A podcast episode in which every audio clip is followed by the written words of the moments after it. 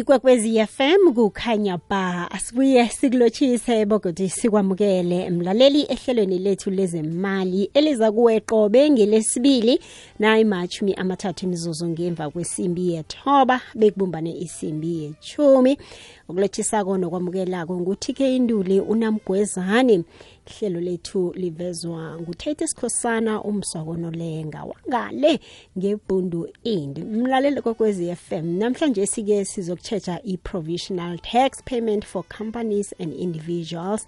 Mlalelikazi sikhambisana-ke nesazi kwezentela ovela esifundeni sempumalanga eh kanti-ke nguye ozasihlathululela sinomlaleli kokwezi FM nawe usalalele mlaleli ukuthi nasikhuluma nge-provisional tax sikhuluma ngani begodi ngubani okufuze abhadele intela le? Ukuzwa konke lokho simeme ubaba ujohannes masombuka yi-tax practitioner ovela ngale ngempumalanga. Kanti ngokuhamba kwesikhathi-ke nawe mlaleli siza kuphi ithuba nangabe unombuzo nanyana umbono udosela umtato ku-086 0003278 kanti-ke nange-whatsapp uyasithola ngokuthi nje ugadangise iphimbo lakho ku-079 413 2172 ngiyayibuyelela inomboro ye-whatsapp ithi 079 413 2172 inomboro la usithola khona mlalele kwekwezi FM masombuka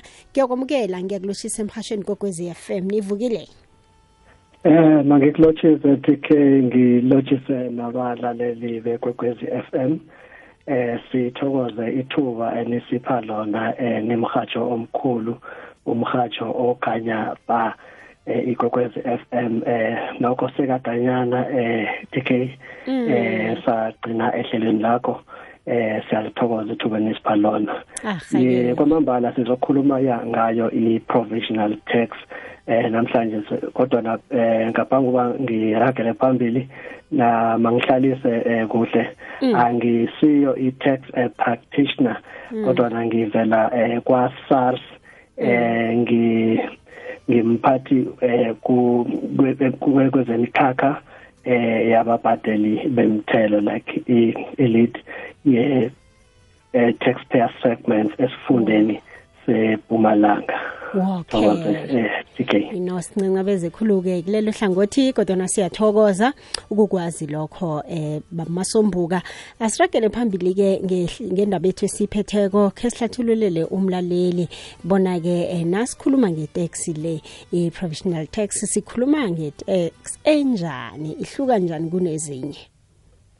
Eh sithokoza kakhulu TK eh sizokhumbula ukuthi thina sibabutheleli bezomthelo eh eSouth Africa eh uSARS si nomgomo wokwenza bona kube lula begodwa kube msinya ukuhambelana nomthetho eh wezomthela eh umgomo lo we are saying we make it easy and simple to comply begodwa eh sinomgomo wokuyelelisa sihlathulule begodwa siqinisekise ukufuze umlaleli noma umbhadeli umthelo akwenze ukuhambelana nomthetho. We create i-awareness i-clarity ne-certainty so namhlanje si TK sizokuhlathululela umlaleli bona iyini i-provisional tax eh ngubani eh oyi-provisional taxpayer eh ibhadelwa njani ibereka njani. Eh i-provisional tax eh akusiwo umthelo TK ohlukileko kunomthelo wengeniso namkha i-income tax. Eh i-provisional tax ilihlelo eh TK lokubhadalela phambili umthelo wakho wengeniso. Ubhadalela phambili i-income tax uyibhadala eh ngomnyaka eh loyo eh womthelo. Ibhadalwa kabili eh TK eh ngomnyaka. Eh okthoma uyibhadala eh uyibhadala ekupheleni kwesikhathi ezinyanga ezindathu emva kokuthoma komnyaka womthelo. Eh imbadalo yesibili uyenze ekupheleni eh komnyaka womthelo. Eh ngi ngiyenza umzekeliso umuntu eh umnyaka wakhe mhlambe womthelo eh uthoma ngomhla ka1 eh enyangeni kaNtaka namkha ku1 March eh uyophela ngomhla ka28 namhla namkha u29 eh ku February umhlolanja. Eh imbadelo yokuthoma uzayenza eh ngesikhathi ngelanga lokugcina lika Hoboyi eh u31 eh August. And then imbadelo yesibili ayenze eh lokho nekulanga lokugcina eh lomnyaka womthelo eh last day of i-financial year eh, end yakhe eh lokha eh nekumalanga eh, eh nakungumhla ka28 ku February namka kumhlolanja eminyakeni eh loyo womthelo. Eh kube khona ke TK eh imbadelo yesithathu ye provisional tax eh lokho engakakateleleki eh sibiza ukuthi optional eh, eh noma i top up payment ye provisional tax eh yona ke ibhadala eh ngaphambi kokukhishwa komphumela eh, womthelo wamaswaphela eh waloyo nyaka. Which ukuthi ngamanye amazwi eh lokho anobhadaleleko ngo August wabhadala ngo end of February eh ngaphambi kokuthi mhlawumbe khishwe the last eh, assessment eh lokho mhlambe ekukhambeni komnyaka eh uyakhona ukuthi no lokho no sowufake mhlawumnye eh ama eh paper wakho like ama financial statement eh ubona ukuthi mhlawumbe engiye ibhadala imbadalo yami ngiyenze ngokthoma nesibili ibe yincane uyakhona ukuthi uthi top up. Kodwa le sithathu ayikagadeleleki uyenzela mhlawumbe ukubalekela ukuthi lokha isilinganiso sakho nengabe sibe ngaphasi kwaleso bekufuze kube ngiso eh ubalekele mhlawumbe ama penalty esabiza ukuthi i-understatement penalty eh, ye provisional tax eh kune kune penalty eh lapha nebizwa ukuthi u89 quads eh ukuthi lokho anongabe isilinganiso sakho sibe ngaphasi kukhulu kuleso efuze kube ngiso eh bese uyapenalizwa njalo. Eh ngubani ke eh TK oyi provisional taxpayer? Eh i provisional taxpayer eh mumuntu onengeniso kodwa na eh TK kungabi ingeniso emholo namkha ingeniso evela kumqashi namkha eminye yemvuzo yokusebenza mhlawumbe evela emqashini efana nama allowance eh i-provisional tax ile mhlawumbe umuntu sikhuluma ngumuntu la onamabubulo umuntu mhlawumbe othola imali engasi umholo eh si khulume futhi eh ngenkampani eh enye nenye ikampani ingaphandle kwalezo ezazisweko eh bona azona azikafakwa ehleleni le-provisional tax. So enye nenye ikampani iyi-provisional tax payer eh ngaphandle kwalezo ezi ezazisiweko zinama-notice avela ku eh commissioner achayo ukuthi zona eh azikafakwa ku provisional tax eh ehlelweni le-provisional tax. Ngizo ngizokubalela zona eh TK Masomboka ngaba ngaphambi bona ungibalele zona ngibawake ke siyokuthengisa siyentolo sizokubuya siragele phambili. Sithini isindebele?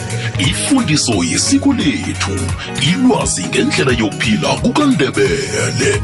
Imiraro nemisombululo ngubranko nkambule kunolenkasikhosana nonomlungisi uthobile mahlangu ngabosondo ngesimbi yesithandathu ntambama sithini isindebele? Ikwekwecfm kukhanya ba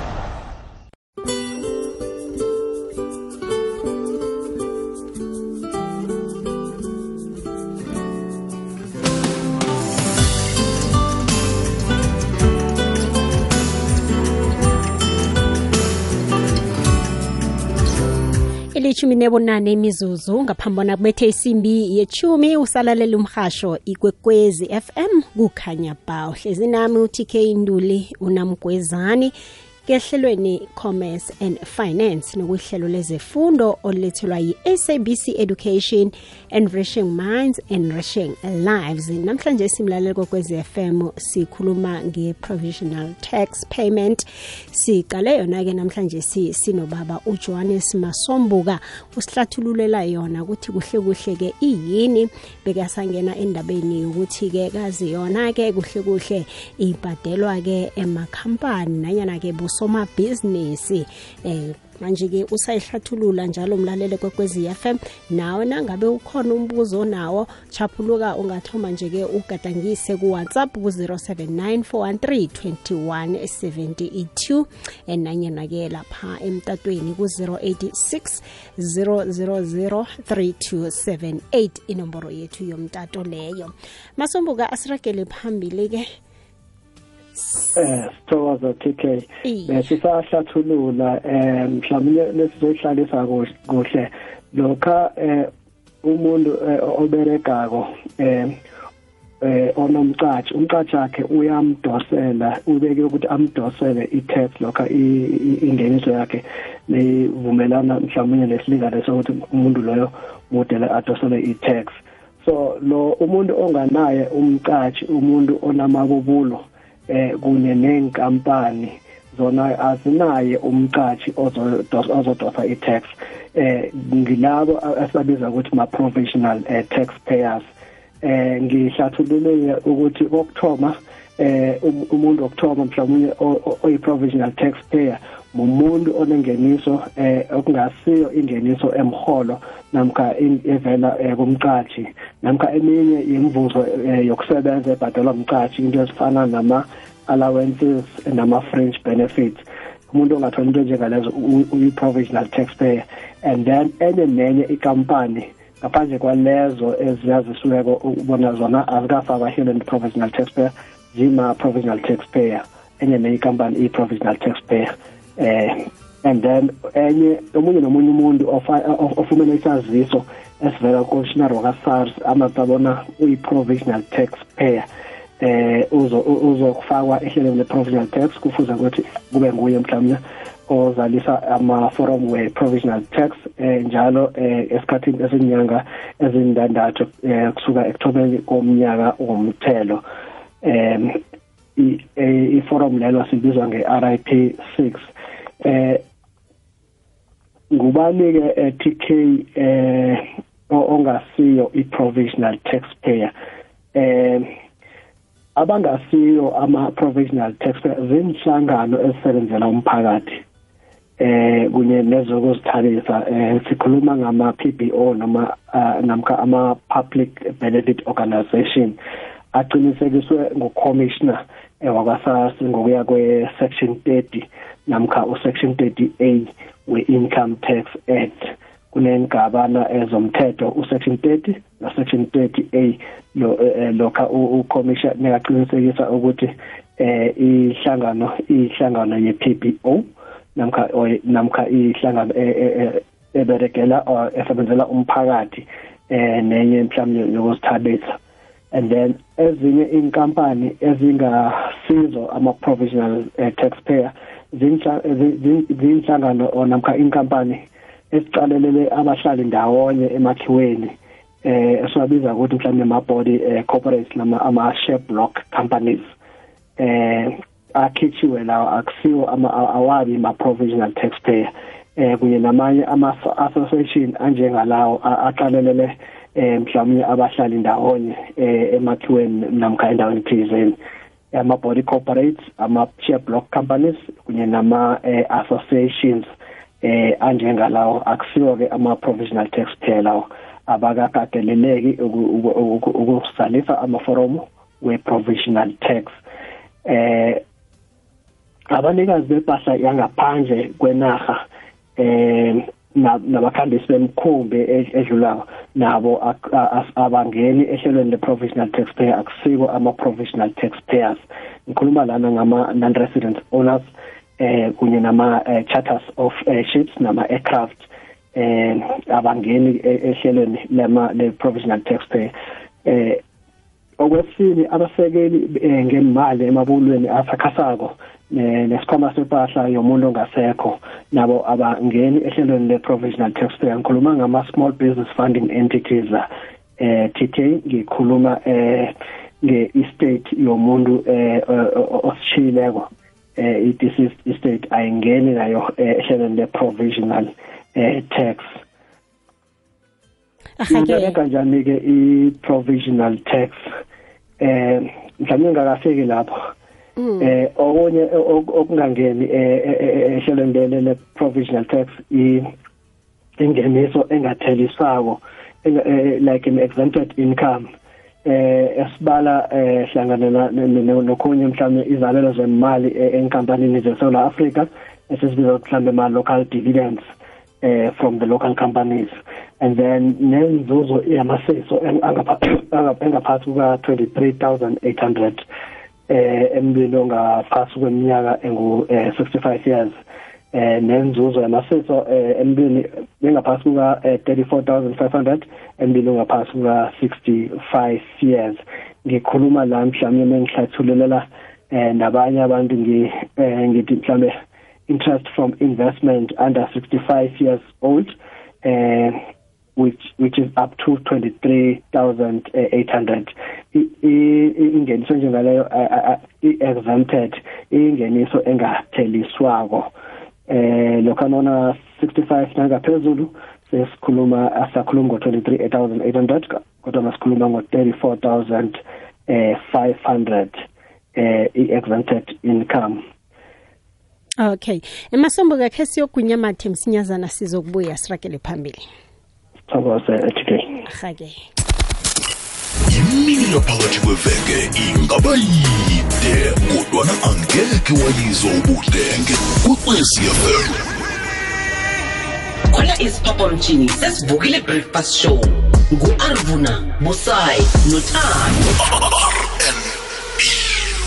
Lakhe ngelwazi nefundiso ehlelweni ngimi nawe nozuzu ngesimbi yethoba bekube ngeyejumi yambili emine kumi. Ibumbano litsho ukuqina njengenyanda ibotshwe ndawonye. Sidishile the unity show nobubodabit yeshumi nambili bekube ngeyesithathu. Amathunzi anabile. Sibhincela ukuyothatha amandla matsha ngomsikinyeko we-triple ads noking b. Sikuphakele zemidlalo zitshisa ehlelweni fulela wanethwa nobig joe 326 triple ads sikupha ilwazi ngezomnotho. Sikulethele ekufanele ulale uyazi ehlelweni. Hlala nami negusheshe lomrhatho 7 to 9 konke lokhu ukufumana kukwekwezi fm kukanyamba inyanga yethando ingiyelo lonke ithando. Iye i-valentines nethando labaseduze kwakho kodwana godu ingeyelithanda uzitsheje wakhe ubuhlobo nethando lemindeni. Ikwekwezi fm hashtag Sihaja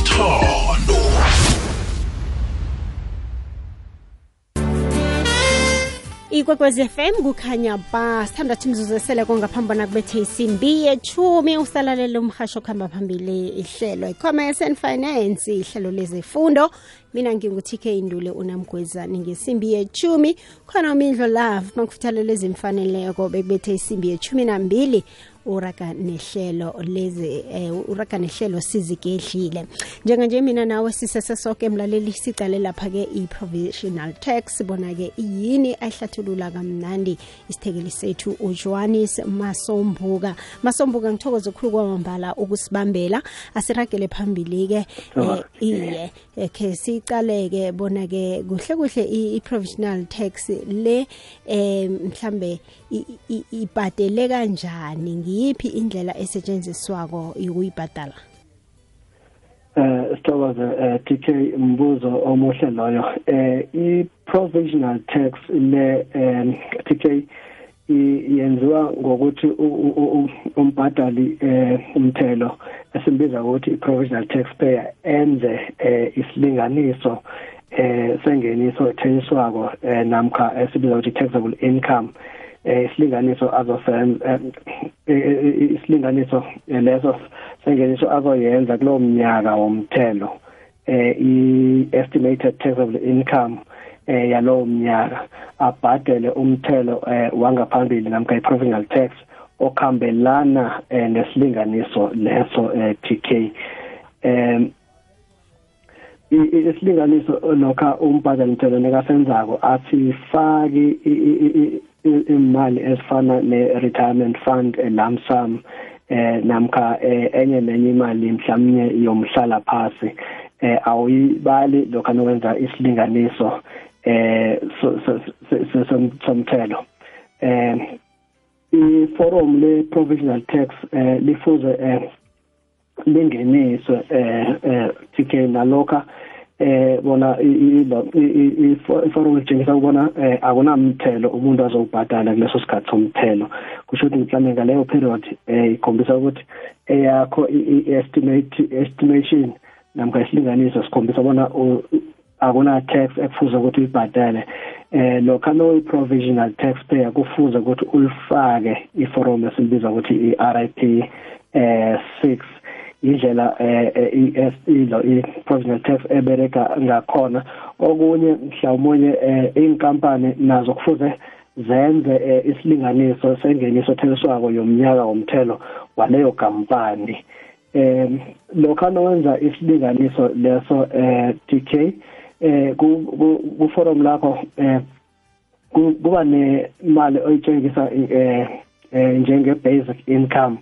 Eh utshengisa yona kuthoma ukuthi eh, i basic income eh usihlathulula bona ingeniso lepheliswako ukuya nge ngomphumela eh namkha i-assessment yomnyaka owandulule owandulelako eh lo ofakela i-RP5 namkha lo owenzela isilinganiso eh kungakafaki i-capital gains tax. Awuyibali ke lokha no eh no wenza isilinganiso eh namkha no wenza i i-basic income eh kusilinganiso sakho or ku-estimation yakho ye-income ka ye-RP eh ku-RP6 and then lokha i-basic uh, income um uyenza kufuze ukuthi eh uyikhuphule nge8% eh lokha mhlawumnye iyenziwa sedlule inyanga eziku18 ngemva kwe last assessment. Eh elinga eyandulela lesilinganiso leso. Mhlawumnye wenzela u2019 the last assessment beyingaka 2017 eh isilinganiso sakho usikhuphula ngo18 ngo8% emangabe sekudlule lokho sekudlule u18 months after i-assessment yok eh yamaswaphela emva kokwenza isilinganiso. And then okhunye eh kokugcina eh TK i-last assessment i-RT6 yakho izokhombisa eh la izokhombisa u-last assessment utsho ukuthini i-last assessment itsho eh bona imiphumela eyandulela umnyaka lo ozaliselwa eh, i-RT5 eh kube kufuze kube imphumela enamalanga eh mhlawumbe adlula ku14 ngaphambi kwelanga owenza ngalo isilinganiso kusho ukuthi awukwazi ukuthi eh imphumela yakho mhlawumbe i-assessment yomnyaka ogadungileko eh awunawo amalanga awu14 utholile namkha ukhethiwe.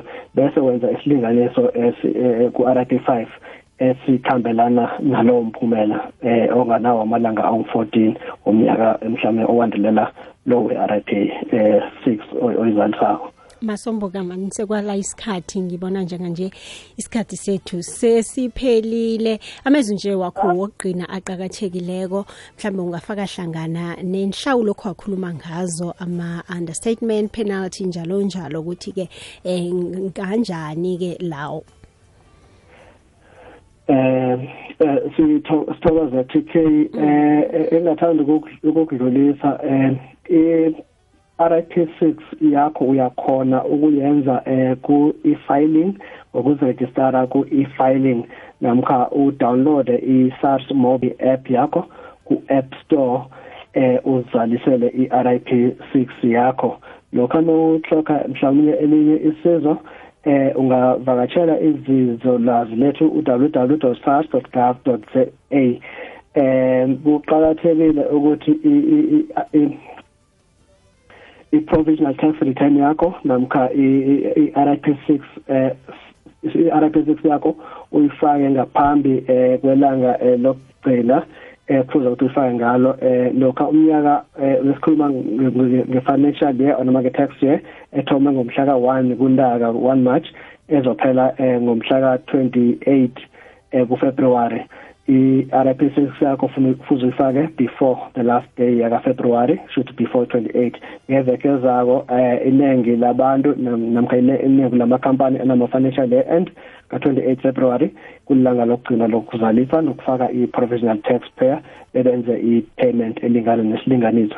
Ngale kwalokho kuba ne-penalty ekhambisana nokuthi ikampani leyo namkha umuntu loyo wenze inzuzo engangani. Sibiza nge-89 quarts. Eh penalties eh kuqhakathekile ukuthi isilinganiso eh sinqophe eh singabi ngaphasi eh lesingaphasi kuba nama penalties alingana nengeniso leyo evezwe ku-RIP eh 6 leyo Mhm. Aloke umlaleli isizo ukuya phambili mhlambe ulithola njani nitholakala kuphi ke nina? eh, siyatholakala ku-www.sars.gov.za um okhunye bekahloga isizo mhlawumbe ahloga uhelejwa um basebenzi bakwa-sars angenza isibawo sokuvakatshela i-office namkha uhelejwa u-sars ayenze i-appointment um i-appointment yakhe angayenza ngokuthumela i-SMS u-47277 athi booking ashiye ispace afake i-ID number namkha i-passport number. Eh sizomenzela i-appointment namkha angene ku-website azenzele ilo i-appointment namkha adownloada i-mobi app yethu. Eh ku-landing page ikhona indawo lapha wenza khona i-appointment.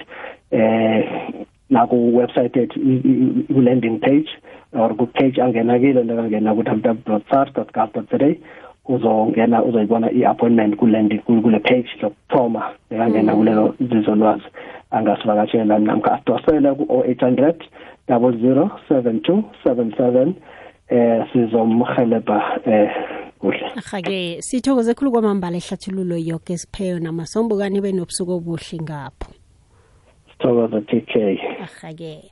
Lalele kokwezi FM silibeka lapha ke ihlelo lethu lezefundo commerce and finance. Sitshiya nomindlo lafu makhuthalelo ezimfaneleko hlala nawe ehlelweni sizigedlile bekubethe isimbi yeshumi nambili mina utk ndule unamgwezani ngikhambile